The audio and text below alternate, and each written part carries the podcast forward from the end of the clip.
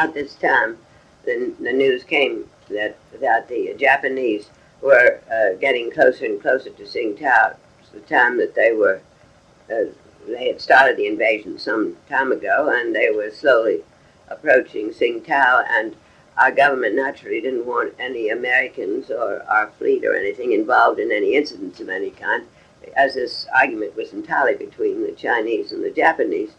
Tsingtao had been originally owned by the Chinese, had been taken over in World War One by the Germans, and at that time the Germans uh, had uh, uh, revitalized the city and made it into a really a very lovely, modern far more modern than, than most of the Chinese cities. It had great uh, German influence and a great number of Germans living there, even when we were there. And then it uh, had reverted again to the Chinese. And now it, it was under Chinese rule, but we, the word was that the uh, Japanese were approaching. So our fleet and our American uh, people were all uh, asked to get out. And they all did. But as I said, I could not go because uh, I was too close to the time when Marty was to be born. And my English landlady, Mrs. Harris, uh, was, was perfectly wonderful. And she said that she would be there with me. She was not leaving Tsingtao. And uh, the American consul's wife remained because the consul has to remain until the last thing, and I guess she elected to remain with her husband. Uh, but uh, uh, I had my Chinese ama, Miriam Lee, who had come to me uh, two years before from a friend of mine who had had her for a baby ama, but ama came to me for what they call a missy ama because she took care of all my clothes and everything else, and she would uh, was with me the whole that whole year uh, there in in Tsingtao. Before the baby was born, just taking care of me and my clothes and whatever we wanted, and and doing whatever Master said because Master was the number one person as far as anybody is concerned in China. The man is the whole show, and Amma and my rickshaw boy John, whom I'd had each year, I I mentioned him some time before John was always on the dock when I got there, and he always was with me, and he was the most faithful person I have ever known. And actually, when the baby started to come, John was there in his rickshaw and drove me and it rode me in his rickshaw up to the hospital.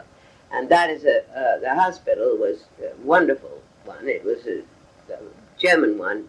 It's called the Faber Krankenhaus, and it was um, had been built by the Germans, operated by the Germans. Of course, there were there was a very fine German doctor there, but he was away on leave. And my doctor was a Chinese who was perfectly lovely, a Dr. Lee, and he had been educated in the uh, University of Pennsylvania. Both he and his wife had gone to medical school, the University of Pennsylvania, and he was a, an, a baby doctor, and just perfectly grand.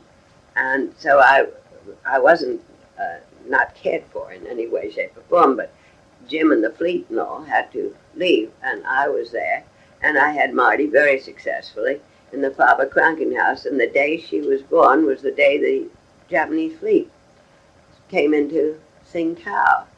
And I can only say that it's a perfectly wonderful way to have a baby. You're so busy watching all the excitement that you really uh, have no time to think about whether you're hurt or you don't.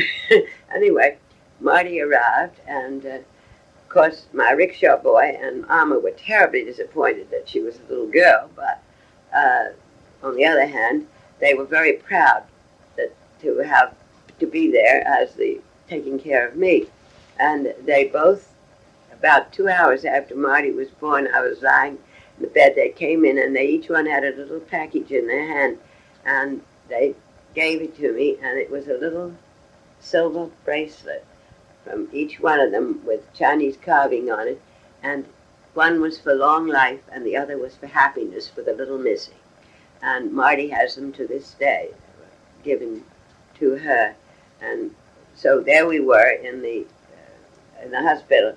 I had had quite a bad time So I was was quite weak, and I was going to have to stay in the hospital for quite a for some a few days. As a matter of fact, it probably was the safest place because everything was very disrupted in the town. Of course, I was in the Chinese part, and the, I mean up in the German and English, and surrounded by all of the uh, that element rather than the native uh, people. That was it was a great number of English, German, still there, and the American consul and his wife, as I say.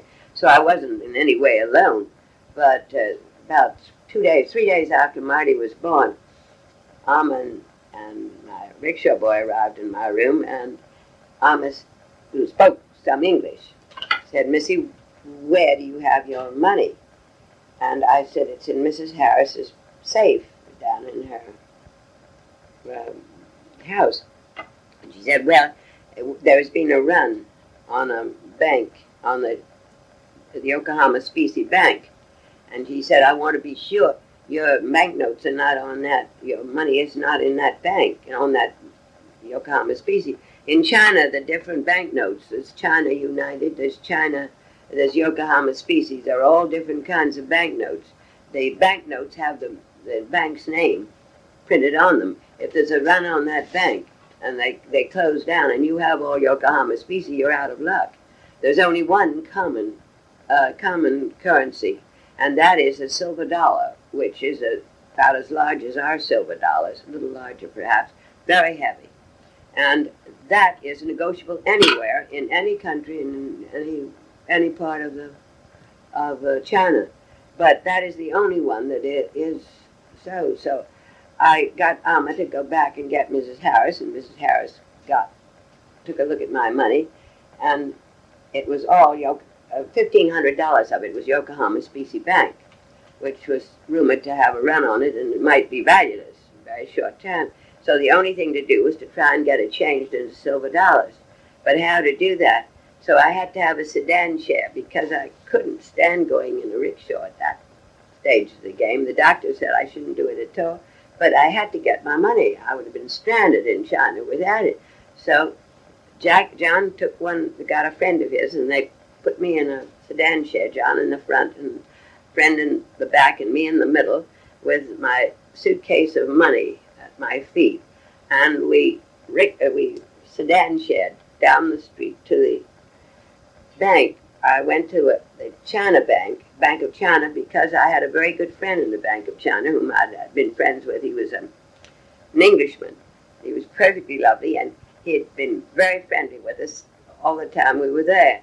And I thought if I got there, he would help me about changing my money. We got down to the bank, and this, there was a line of people that stretched for miles down the street, all trying to do the same thing I was, I expect. But John and his friend, nothing daunted, passed the whole line, shoved them all to one side. We got to the bank front.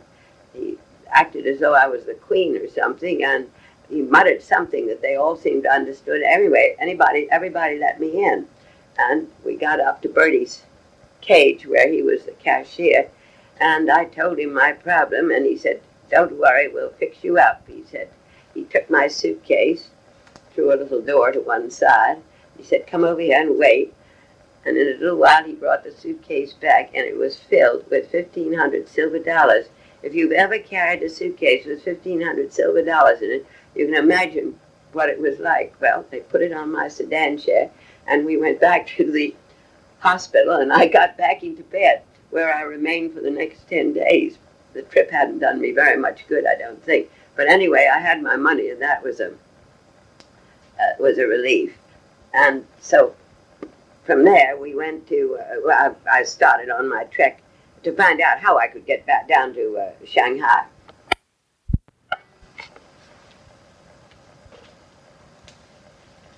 I really hated to leave Tsingtao because I felt safe there, and Mrs. Harris was so perfectly wonderful. And while it was the Japanese were there and the Chinese, there was no uh, uh, no bombing or any.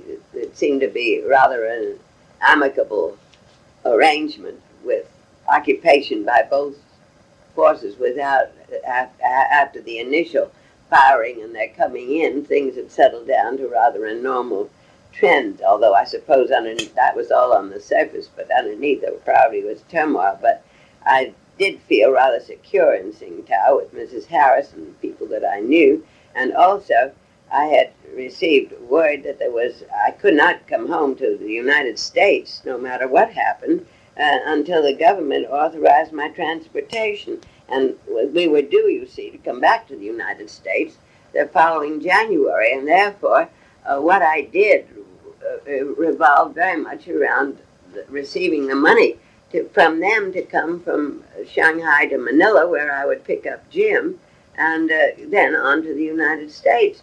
And the government seemed to have forgotten that there was any that I was anywhere around over in those parts.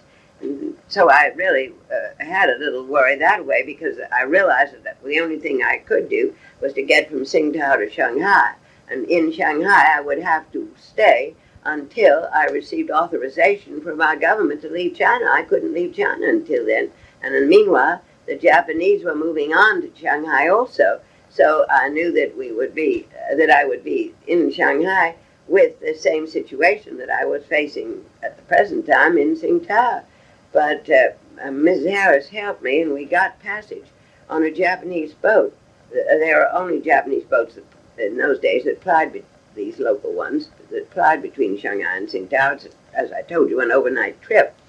And uh, my ama, of course, was going with me. John, my rickshaw boy, I would have to say goodbye to, and I'm afraid this time it was for the last time because uh, I wasn't coming back, so that was rather sad. And he was such a wonderful person, I hated to leave him. I would love to have brought him with me. But I'm afraid that would have been a bit startling to everybody. Anyhow, we, uh, Alma and, and packed up the baby's things. I didn't have very much because I had sent down the majority of, of except our personal clothing, I'd sent down all of our purchases and our our uh, uh, things that we had bought, our carved wooden chests and my linens and so on, which we had acquired in, in Shanghai and Peking and various places. I, I had sent them all down on the on the boat with Jim, but uh, I had to just my personal clothes, and I hadn't grabbed too many of those. So that was very easy. We packed everything up, and then with rickshaws, we went through the Chinese lands to the Japanese, and through the Japanese lands to my boat. And they permitted Alma to go with me, although she was a Chinese. They allowed me to have, and we were the only two passengers, as far as I recollect, on the boat going down to Shanghai because nobody was traveling in those days, and um, and um, I was lucky to get down, I guess, too. And when I got to Shanghai, we we were up on on the Wangpu. When I got ashore there, the Japanese escorted me through their uh, their lines because they were down by the ship side there and up to the Chinese place. I was going up to the French concession where uh, foreigners would be more or less safe, where Americans and the foreigners, anybody that was in China, lived up in the French concession, and also we had a large Marine contingent over there in Marine quarters. And so uh, that was where I was heading, and I got up there very satisfactorily. Got a very nice little apartment on Weihaiwei Road.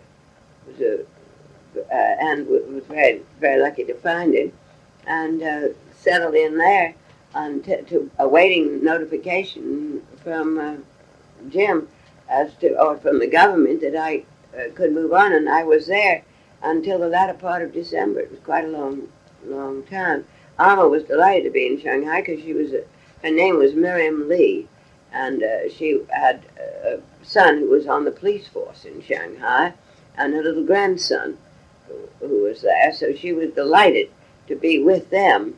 Uh, but she had agreed to come down back with me to the States and uh, and be with me, and uh, we found that we could take her back if I carried a bond for her, that she could come back to the States with me for six months and be with me in the States.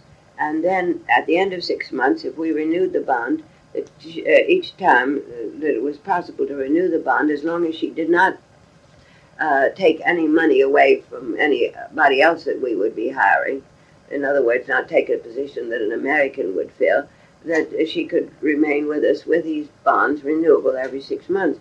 So she was coming over with me, and this had all been arranged by my father and mother in the United States with uh, the government and with a sponsor was a senator from Delaware who was perfectly wonderful about Alma, and she was actually with me for uh, over three years before we changed Secretary of Labor, and my senator friend got out of the out of the, his position as senator, and uh, I lost control of the situation, and Alma had to go back to China when Madam Perkins came in office, because Madam Perkins said that she must go back, and uh, so anyhow, uh, we finally I did get word from Jim that my transportation was coming, and they notified me from the quarter, headquarters in Shanghai, and our transportation was arranged on an army transport called the Republic,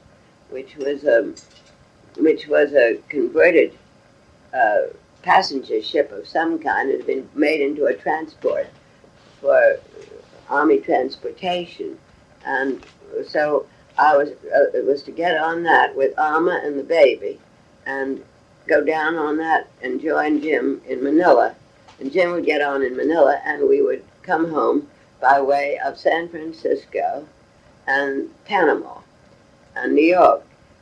Uh, looking back, the trip took us 52 days, which is an awfully long time to be on one ship. And it was all Navy and Army wives, children, and it was really something. But Jim was a senior officer, so we rated having the best cabin on the ship. He was a senior officer on the ship, so we rated having the best cabin on the ship, and that made life a lot pleasanter. However, that's looking ahead of the game because we finally did get from Shanghai and then down to Manila, and there I, we, we stayed in Manila for two or three days. I stayed at the Manila Hotel, but we were going back to the ship afterwards. And uh, then, uh, and we saw all our friends. We celebrated New Year's Eve in a big way. And then on, I think it was the second or third of January, we headed for home. And as I say, it was going to be a very long trip.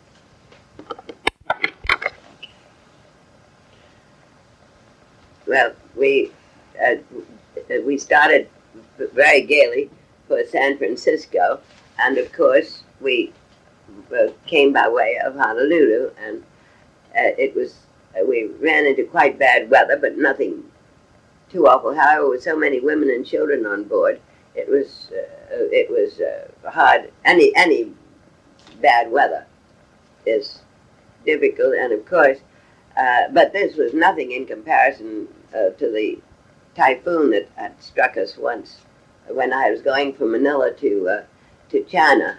I had forgotten that little episode when I was uh, thinking of the past.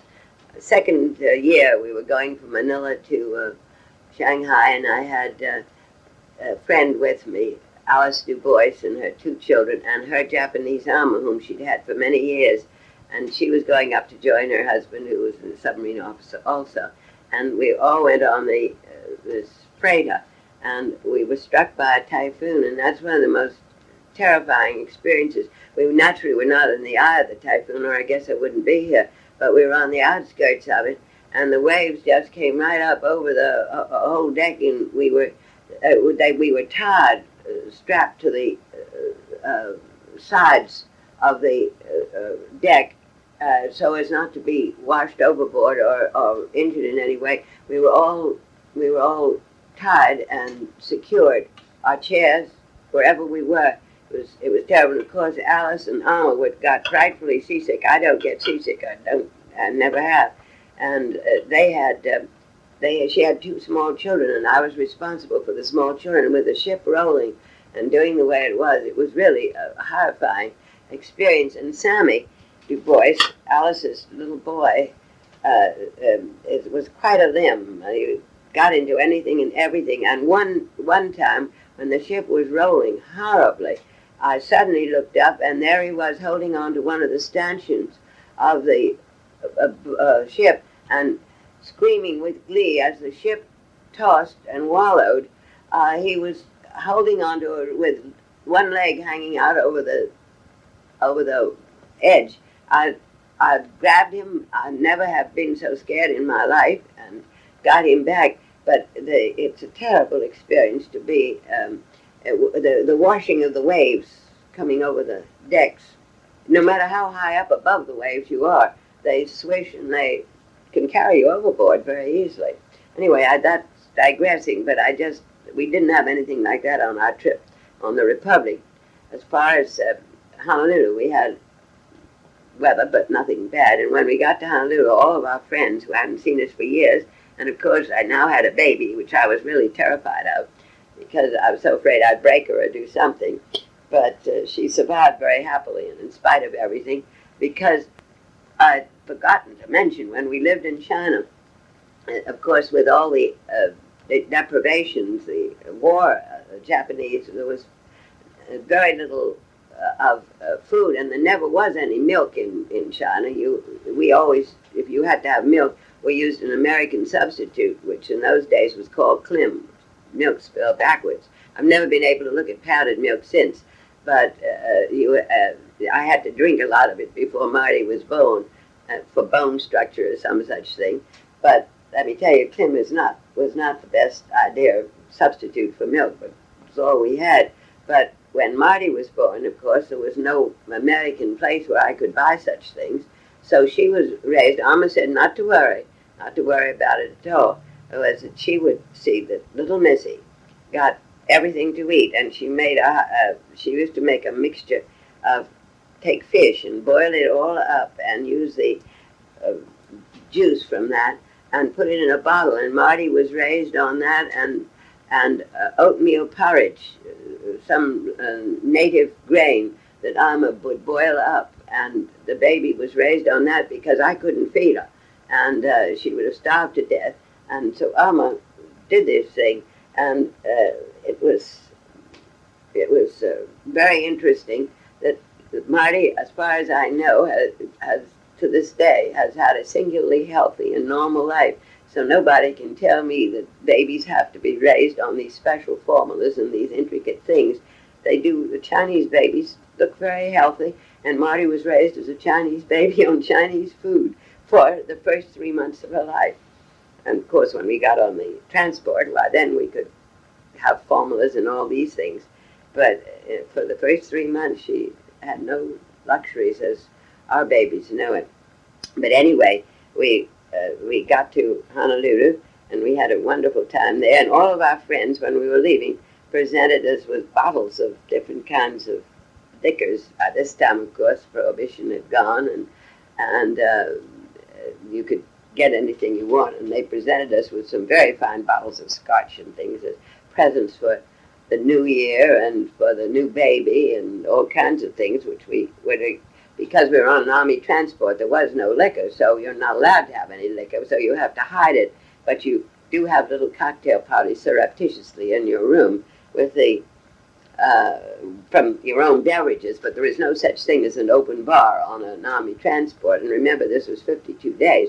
So the, our friends in Honolulu thought we better, since we had another long trek between Hawaii and New York, we better have sufficient beverages, and we Uh, to take with us, and they certainly fixed us up very well. Well, we had to, as I say, hide everything because you're not allowed to have alcohol. On. But of course, none of the officers were on duty, so you, what you do off duty, but it's just that you can't get secure the stuff on board. So anyway, we got to San Francisco, and Jim took me in San Francisco after all these harrowing experiences that I'd been going through he thought it'd be a good thing for me to have a real touch of American life. And of course, uh, uh, in the meantime, talking moving pictures had come in. And I had never seen a talking moving picture or uh, anything of that kind. So Jim said uh, uh, we were going to, he was going to take us to one in San Francisco. And we went to a, a Joe DiMaggio's uh, father's restaurant for dinner. The DiMaggio restaurant was well noted in San Francisco, and we went there for a real American dinner, steak and everything else. Of course, we should have had Italian food, but we had a perfectly delicious dinner there. And then afterwards, he took me to the movies. And as we came in, they had, uh, they in those days used to have news sections before the uh, pictures came on. And just as we walked in, they flashed a scene of Shanghai, and there was Bubbling Well Road, uh, Weihai Road, where my apartment was, and there was my apartment, and it had just been shelled by the Japanese, and the little uh, uh, porch, upstairs porch that I had kept the baby carriage on, was just hanging from the from the sides of the from the walls of the house where it had been shelled. I was so lucky to have escaped when I did, I think, because that whole area, I believe, was quite badly devastated afterwards. Of course, I, I had no means of knowing, nobody told me, but just seeing it in the pictures that day. But then we went back to the boat, our ship, and off we went again from San Francisco, heading for New York and home and the family. And it certainly was going to be very exciting. But as we, we were going to Balboa first, and then go through the canal and then come up by way of New York.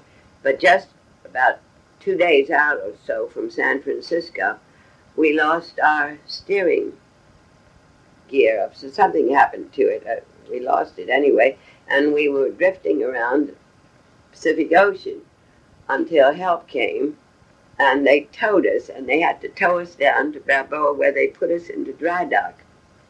And uh, if you've ever been in dry dock, on board of a ship. I never had till this experience, and I hope I never have to again. Uh, uh, we were all the ship was put into dry dock till they could find out put on a new steering apparatus, and we were all uh, uh wanting to go to a hotel. Jim said, uh, "Can't couldn't he take us ashore and go to a hotel and stay in a hotel?" No, the government said we couldn't. The commanding officers we couldn't do anything like that because they expected to have the ship fixed in a minute. And that they might, the minute they got it fixed, they were going to launch us all off and put us in the water. And if we were in a hotel, it would complicate things. And anyway, a large number couldn't afford going to a hotel, and it was not fair for those that could to do so.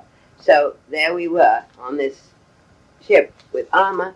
My ama was perfectly wonderful. There was no running water on board the ship. We were in dry dock.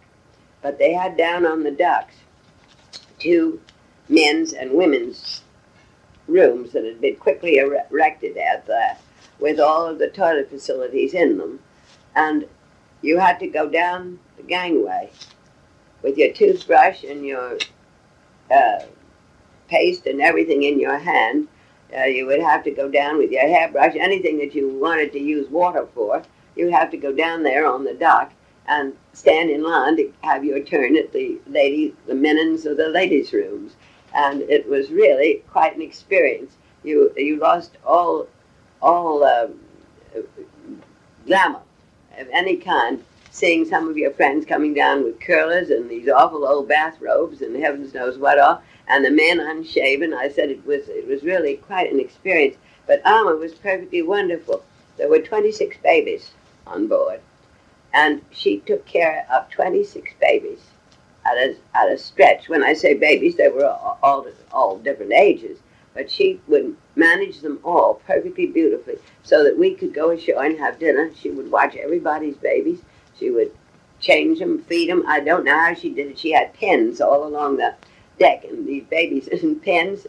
She was simply marvelous, and she earned everybody's gratitude. But it was terribly hot terribly hot in Balboa, and we, it really was a very harrowing experience. We were there four days. And finally, they launched us out, and then we went through the canal, which is beautiful, and then on up to New York. And we arrived in New York, and then uh, we it was it was uh, winter, of course, in New York, and we had had no no nothing but but good weather, warm weather, uh, most of the most of the way. And so when we got to New York, I had a one of these baby bunny rabbit things that somebody had sent me that you zip a child up in, and I certainly was glad to have that for Marty. But our winter outfits were rather odd, and so on, but at least we had heavy clothes because we had had, uh, uh, but we had had semi-cool weather in places, but not anything real winter. But when we came to go ashore, we discovered that we still had two bottles of scotch that had been given to us in Honolulu and how to get through the customs with them. I had a brilliant inspiration. I put the two bottles of scotch in the bunny rabbit coat, put Marty in top of it, zipped it up, and we started through customs. All went well till the customs officer started playing with Marty, and she started uh, kicking her feet, whereupon the, uh, the bottles gurgled. Then I had to make a terrific racket, hoping that the customs officer wouldn't hear, which he didn't, or if he did, he let us come through.